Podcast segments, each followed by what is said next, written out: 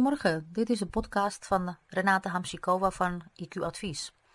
Ik kreeg laatst een vraag uh, van een ouder die zich afvroeg of twee keer versnellen van zijn hoogbegaafde zoon niet te veel is.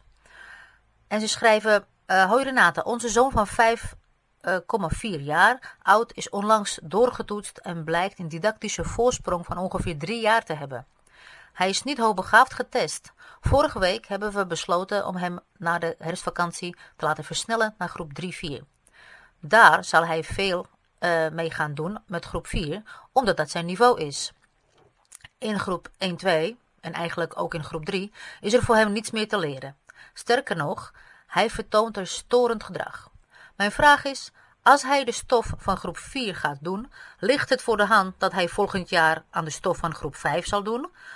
Of zou het betekenen dat hij nu twee jaar versnelt? Dat zou ook betekenen dat hij met tien jaar uh, naar, het, uh, middelbaar, naar de middelbare school gaat. En dan gaan we ervan uit dat versnellen hierna niet meer nodig zal zijn. Heb je ervaring met dit soort versnellingen? En is dit de beste optie voor onze zoon? Nou, beste Inge, bedankt voor je vraag. Uh, bij het versnellen moet je altijd per kind kijken of het verstandig is. Er zijn een aantal richtlijnen, maar je kunt niet zeggen dat voor alle kinderen dezelfde richtlijnen gelden. Je zoon loopt nu didactisch drie jaar voor. Dat is erg veel. Dat betekent dat hij één schooljaar eigenlijk in een derde van, uh, van het schooljaar van de tijd nodig heeft om te leren wat andere kinderen het hele jaar leren. Wat het zo bijzonder maakt is dat hij uh, die drie jaar voorsprong heeft uh, gekregen zonder onderwijs. He, dus hij heeft zichzelf dingen allemaal aangeleerd. Je kunt je dus voorstellen hoe snel hij leert met, met onderwijs. Dus ik zou mij er geen zorgen over maken dat je zo'n te jong naar de middelbare school gaat. Ik zou vooral zijn ontwikkeling volgen en aanbieden wat hij nodig heeft. Op dit moment is het deze versnelling. En anders zou het de school te veel moeite kosten om hem zonder een versnelling uit te dagen. En dan heb ik het nog niet eens over zijn ontwikkelingsgelijken. Een kind dat drie jaar voorloopt, heeft zijn klasgenootjes eigenlijk niets te melden. Door die versnelling komt hij dus zijn ontwikkelingsgelijken dichterbij, wat weer goed is voor de ontwikkeling van zijn zelfbeeld, voor leren, reflecteren en niet onbelangrijk zijn gedrag.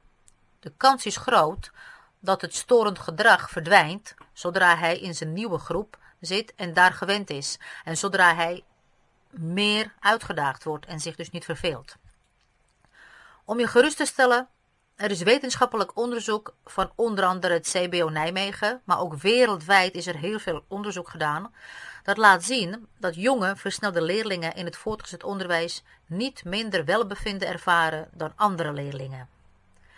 En nog iets, je zoon wordt eigenlijk niet versneld. Zijn ontwikkeling wordt gevolgd.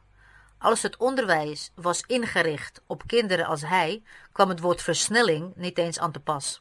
Dus ten opzichte van gemiddelde leerlingen wordt hij versneld, maar voor hem betekent het gewoon zijn ontwikkeling volgen.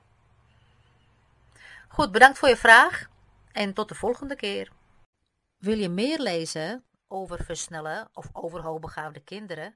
Kijk dan op mijn website op www.iq.nl.